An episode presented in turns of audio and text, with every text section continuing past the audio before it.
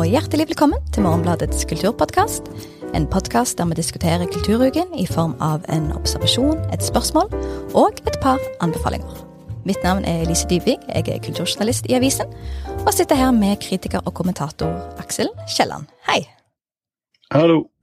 Da tenker jeg vi bare går rett på. Hva har du observert i det siste, Aksel? Uh, ja, altså det at du sitter her med meg og sannhet med modifikasjoner i og med at jeg for tiden bor i Bergen uh, og er da på linje. Uh, det er grunnen til at jeg nå skifter skiftende lydkvaliteten i noen av disse episodene. Men her i Bergen så var jeg på onsdag på det jeg tror var kinopremieren på David Finchers nye spillefilm 'The Killer' på yeah. Bergen kino. Og Fincher er jo en Han er jo en av de store amerikanske regissørene, en av de som liksom betyr noe både kommersielt og kunstnerisk. Eh, laget filmer som Seven, Fight Club, eh, Zodiac, Gone Girl er vel hans siste store liksom, hit. Eh, men har da i de senere år begynt å lage filmer for Netflix, eh, som da gir de en begrenset, i beste fall en begrenset kinodistribusjon.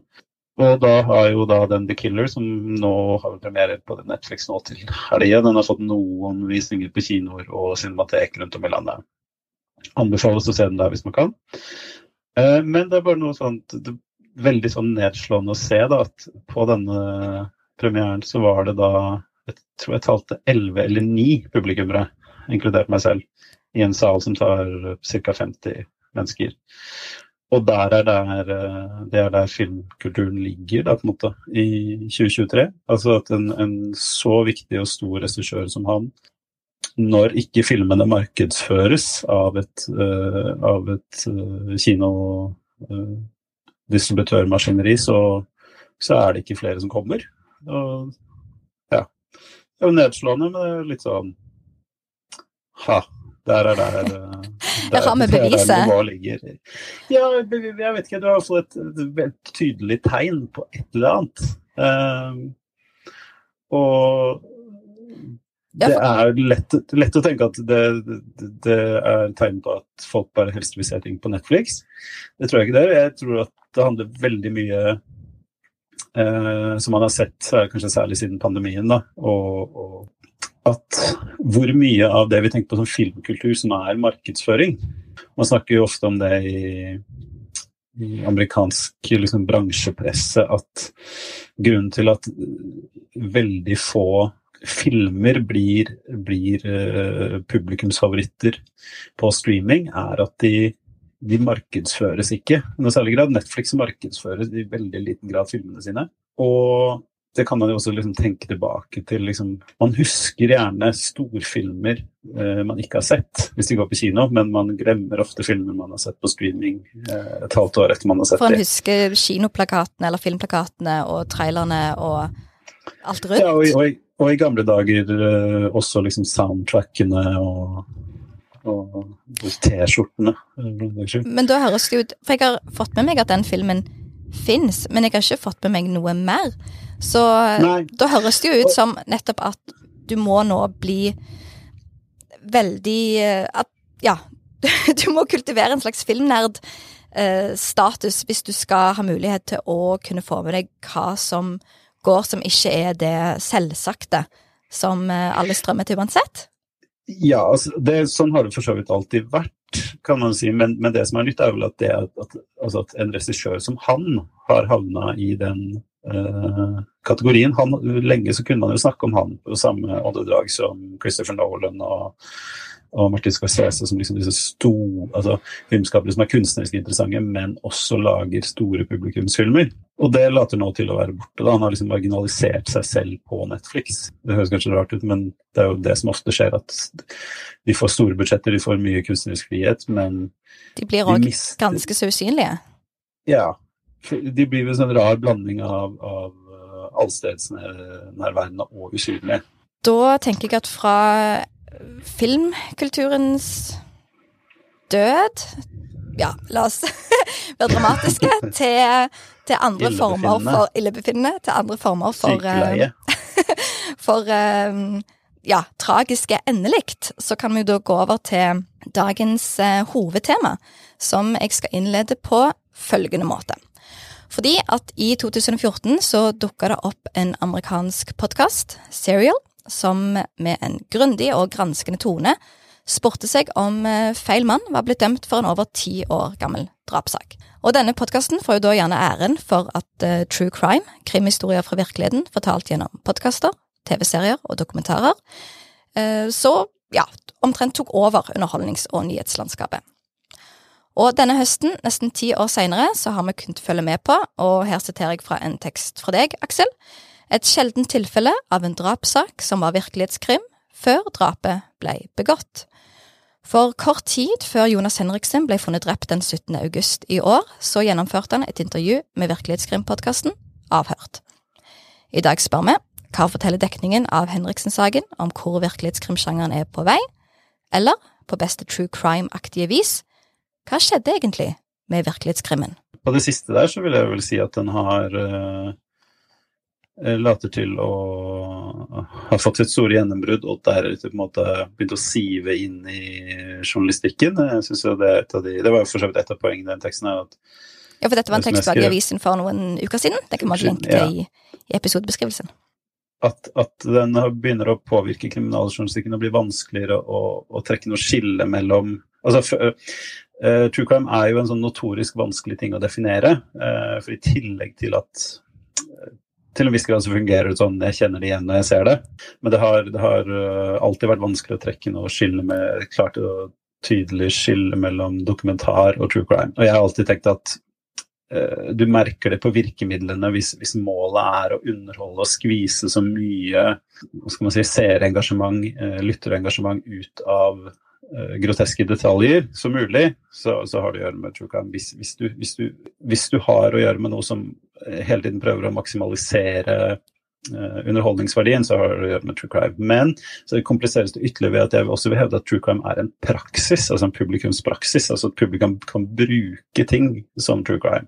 De tingene som står igjen for meg etter si, true crime-høydepunkter, om man kan kalle det det, som Serial, og så hadde du vel The Jinx på HBO, som en dokumentar, og denne Netflix-dokumentaren Making a Murderer, for eksempel, at selv om det var jo definitivt trykk på underholdningen, så var det vel òg det at de hadde, ga en sånn inntrykk av at du trengte ikke være krimbesatt eller kriminteressert for å få med deg dette, fordi at ja, dette var en spesifikk krimhistorie, men så handla det òg om hvor eh, ja, lite vi kan stole på minnene våre, hva, hva det vil si å virkelig kjenne noen, hvorfor amerikansk rettsvesen er så korrupt, at du hadde en sånn Det handler om denne saken, men så handler det òg om dette overordna temaet. Så løfta det òg litt opp på et sånn prestisjenivå, gjorde det ikke det? Jo, eh, og det, er, og det, er, dette som gjør det vanskelig. For jeg skulle si at nå i de senere tid så har det også blitt vanskeligere å trekke altså Det er ikke bare vanskelig å skille true crime fra dokumentar, det er også vanskelig å skille true crime fra journalistikk.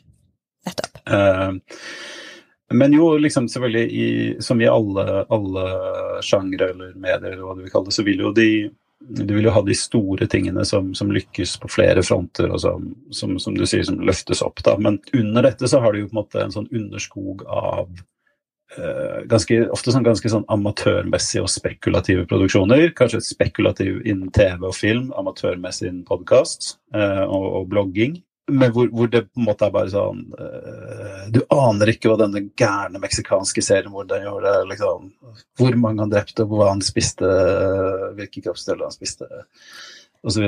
Det jeg syns har vært interessant med denne utviklingen, og som har motivert veldig mye av det jeg har skrevet om, om uh, true crime, virkelighetskrim, er det der følelsen av at fellesskapet liksom bare plutselig gir slipp på noen eh, journalistiske og presseetiske prinsipper, og enten ikke later til å være det bevisst, eller bare later som om det ikke betyr noe. Og jeg hadde samme reaksjon eh, tidlig, liksom, da metoo var et faktum, så begynte jeg å tenke liksom sånn Her er det helt åpenbart at nå i Norge. Da. Nå, nå, nå, bryter vi med noen ganske sånn, eh, godt innarbeida prinsipper om uh, navngivning og forhåndsdømming og sånn, fordi det er en utbredt oppfatning at uh, rettsvesenet er ikke kapabelt til å straffe disse sakene, seksuell trakassering og voldtekt sånn, i til, tilfredsstillende grad. Men i true crime så later det ikke til Eller der har, de, der har ikke målet, eller hva skal man si, gevinsten, har ikke vært så åpen, tydelig definert. Uh, gevinsten som da liksom gjør det rimelig å bryte med disse prinsippene. og Derfor har jeg liksom hele tiden tenkt liksom, Det jeg vil ha svar på, er er ikke dette problematisk? Altså sånn, uh, og, og, noe av dette stemmer, av min undring stemmer jo derfor at jeg, i motsetning til deg og mange andre som, som, jobber med disse tingene, eh, er ikke journalist. Jeg har ikke disse prinsippene i, i ryggmargen. Eh, men jeg blir ofte da tenker liksom sånn Bryter ikke det her med alt hvordan man har lært at man skal gjøre man skal, Hvordan man skal forholde seg til disse tingene? Det er klart. Og det Nå har jeg hørt på nesten alle avhørt episodene om Jonas Henriksen-saken. Hørt en del på ja, krim. Ja, for bare saks, saksopplysning. Det var jo der Jonas Henriksen, uh, før han ble drept, gjorde noen intervjuer med podkasten Avhørt. Ja om eh, det han hadde blitt utsatt for. Og i forkant av det så hadde han også Altså, han ble jo utsatt for eh, hærverk, og han ble banka opp og, av ukjente mennesker. Eh, og han snakket også om dette på TikTok-profilen eh, sin. Så han var en semi-offentlig person allerede, og så gikk han til, ja. til avhørt, og sier vel til de at nei, det er jo ikke sånn du ser for deg at du skal ende opp på en podkast, men at han uh, har et ønske om å få oppklaring i disse sakene, og håper at ved å opptre på uh, Avhørt-podkasten, så kan han kanskje kaste litt mer lys over saken, fordi at han er ikke så fornøyd med politiet sin oppfølging. Og så blir jo han da drept et par dager seinere, til en uke etterpå de intervjuene, og så bestemmer Avhørt seg for å legge ut intervjuene i redigert form, og så fortsetter disse som står bak Avhørt, å etterforske og få en tips, og bli en ganske sånn aktiv part i òg denne saken. Mm. Men, men, når det gjelder dette med Ja, det er masse, masse presseetikk som stiller seg i et litt annet lys når rammen er true crime, men det jeg vil Når jeg har prøvd å tenke hva er det som gjør at jeg syns kanskje at hovedproblemet, og det er masse etikk, men det legger jeg bitte litt til side akkurat nå, det er at true crime gjør fravær av opplysninger til sentrale poeng, eller de har fravær til tilstedeværelse. Og med det mener jeg at min første kveldsvakt som eh, journalist i lokalavis, så skjedde det et drap. Jeg eh, måtte dra til dette drapsstedet, se hva jeg klarte å få inn av opplysninger og bilder og detaljer, før jeg måtte rykke tilbake og skrive saken i, for da morgendagens avis skulle han komme i.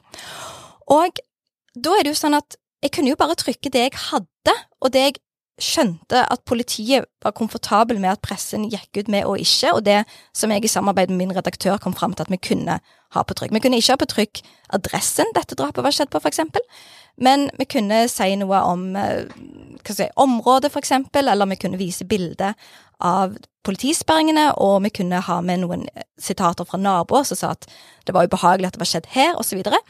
Men det som er påfallende, og særlig, det, særlig påfallende i lydversjonen av disse true crime-produktene, er at du gjør et intervju med noen, og så sier de kanskje ikke noe, men det gjør ingenting, for du kan bruke det intervjuet til å fargelegge og videre bygge ut den fortellingen du tror du er i gang med å fortelle. Og det er også noe kanskje definerende trekk ved true crime, det er at vi skaper en følelse av at altså implisitt eller indirekte eller direkte så skaper de en følelse av at publikum kan være med på å løse saken, og, og at programmet eller podkasten kan være med på å løse sak. Men bare for eh, å skyte det kjapt, er ikke det òg at her har det skjedd noe fra det som jo var fordelen med disse opprinnelige, svære true crime-podkastene og seriene, var at de i stor grad tok for seg en sak som var avslutta, som var gammel, og som det kanskje enten var nye opplysninger i, eller kanskje nå så samfunnet litt annerledes på denne tematikken, sånn at nå, ja, vil vi ha rett og slett et nytt blikk på det som har skjedd. Og det var liksom et ferdiglagt kapittel, og du kunne bestemme deg i forkant hva skal din dokumentarserie handle om, hva skal din podkast handle om. Og um, så kunne det jo være at podkasten eller serien inspirerte til noe i virkeligheten av oppfølging etterpå, men, men var, du hadde liksom et, et, kontrollert område, og nå så ser du jo at journalisten får et problem når det som blir true crime, foregår samtidig med at episodene spilles inn. For da er det skal vi samarbeide med politiet, skal vi være frittstående fra politiet? Skal vi kritisere politiet? Og så er det veldig mange av disse tingene oppe i luften som en ikke helt har klart å finne ut av. Ja, og, og, så da vil man jo også måtte si at flaks spiller en rolle, da. Altså, man snakker ikke så mye om uh, andre sesongen av Serial. Altså, første sesongen endte jo med at uh, han, hva det heter, Adnan Sayed ble frikjent for mm. drapet som de etterforsker. Og de ja, det, det, bør man jo også alltid nevne når man snakker om Serial versus andre podkaster. Sånn de hadde noen ressurser som i hvert fall ingen norske podkaster kan drømme om uh, når det gjelder eh, research og, og, tid og alt sånt. Det som er fascinerende når jeg hører på disse Når jeg har hørt på Avhørt, da, og det er jo det at de har de sitter på masse opplysninger, de vil ikke gå ut med alt, de vil markere seg litt annerledes fra VG og NRK og de andre tradisjonelle mediene. Så det du da sitter igjen med og bruker for alt det er verdt, er gjerne spørsmål. Og nå skal jeg bare gi et eksempel. De har en episode som heter episode fire De ubesvarte spørsmålene. Og da får du en rekke spørsmål som, nå siterer jeg, var dette noen han kjente? Var det noen han stolte på? Eller var det bare et vanlig oppdrag? Var dette planlagt?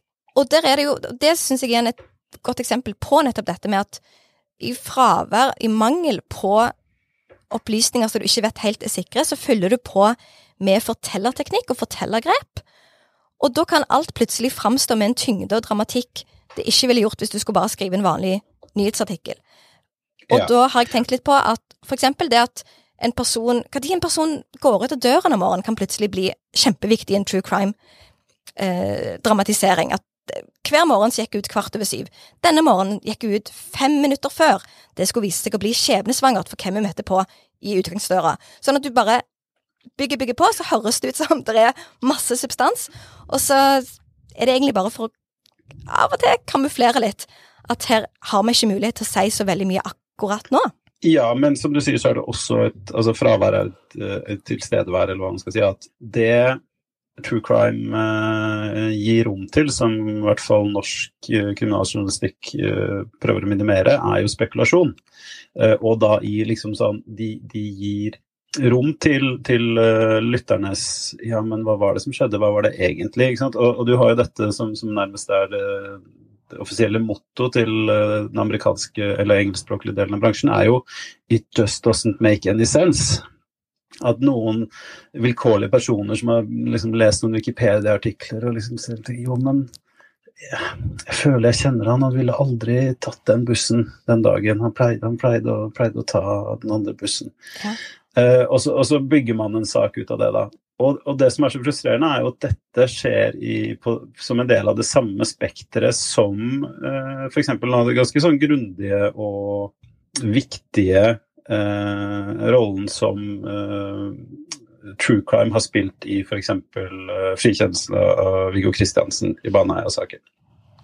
Så det er jo det at du har en størrelse som er så utrolig, som rommer så utrolig mye, hvor fellesnevneren er Eh, det der at man blir liksom hekta, man blir, man blir pirra, man blir uh, involvert på en måte som man ikke gjør i, i liksom tørr og kjedelig norsk kriminaljournalistikk. Jeg, det, det, var, et eller annet som falt på plass for meg ganske nylig. Det var, jeg hadde lest mye Marshall McLuhan. Uh, Marshall, The Medium is the Message McLuhan. Uh, gamle kanadiske medieteoretikeren. Et annet prinsipp er at liksom medieutviklingen er veldig uforutsigbar og kan, bringe fortidige fenomener og praksiser og teknologi til live på nytt vis.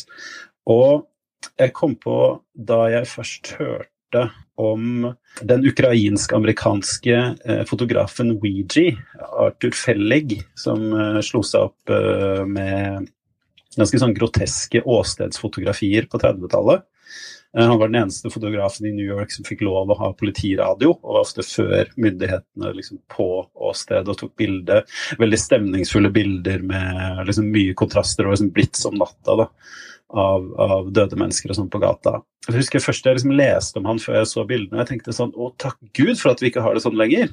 Uh, og dette er da sikkert 15-20 år siden, da. Uh, liksom sånn, Tenk å leve i en verden hvor du var omgitt av det spekulative, den der hungeren etter grufulle detaljer. Tenk om det, når det var en del av mediebildet. Og det er jo det som har, som har gjenoppstått. da. Altså, True Crime har satt, uh, satt kriminaljournalistikken tilbake jeg vet ikke, 190-100 år tilbake i tid, i praksis. At du har gjenopp uh, livet av den derre uh, tradisjonen for liksom det grufulle, det pirrende, uh, som man hadde da på hvert fall 30-40-tallet, og så bør noen som kan, kan pressehistorien sin bedre enn meg, si når dette forsvant. Men i hvert fall jeg, som er født tidlig på 80-tallet, er jo vokst opp med at uh, norsk eh, kriminaljournalistikk er en, en sånn nøktern og kanskje overforsiktig disiplin, da.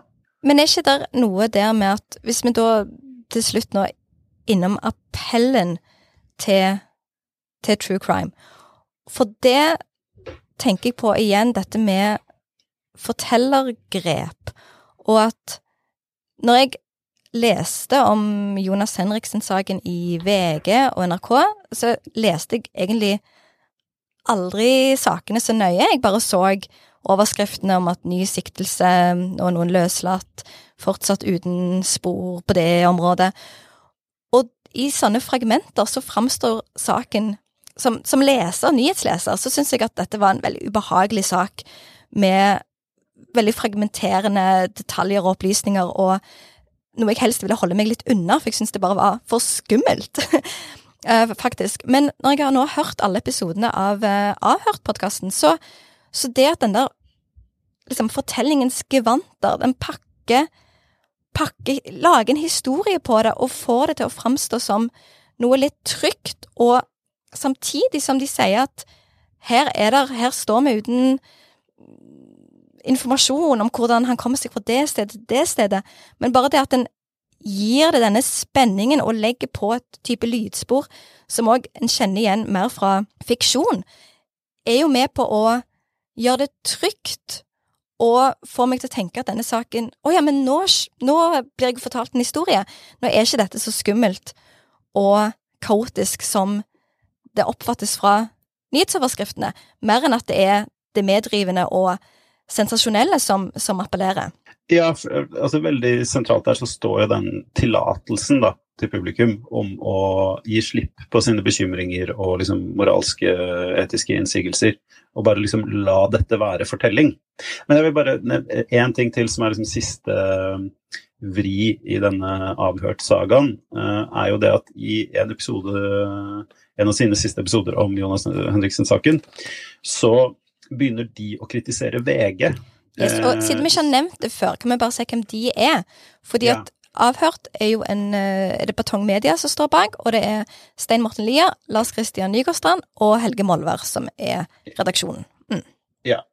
Eh, men i en av de siste episodene sine så begynner de å Eh, beklage seg litt over VG, som de har delt veldig mye av sin research om. altså VG, VGs Krimpodden er jo den andre store krimpodden i, i Norge. Og Avhørt-redaksjonen har da delt mye av sin research med VG. Og når da eh, politiet går ut og sier at de måtte gå til en tidlig pågripelse av en av de sikta i saken pga. ting Eh, Avert hadde, da hadde Avert hadde sluppet et intervju med den mannen i sin eh, podkast, så mente de at VG ikke gjorde sin journalistiske plikt ved å stille kritiske spørsmål, for de mente at den fortellingen hang ikke på greip, og mente seg også da avhørt av politiet.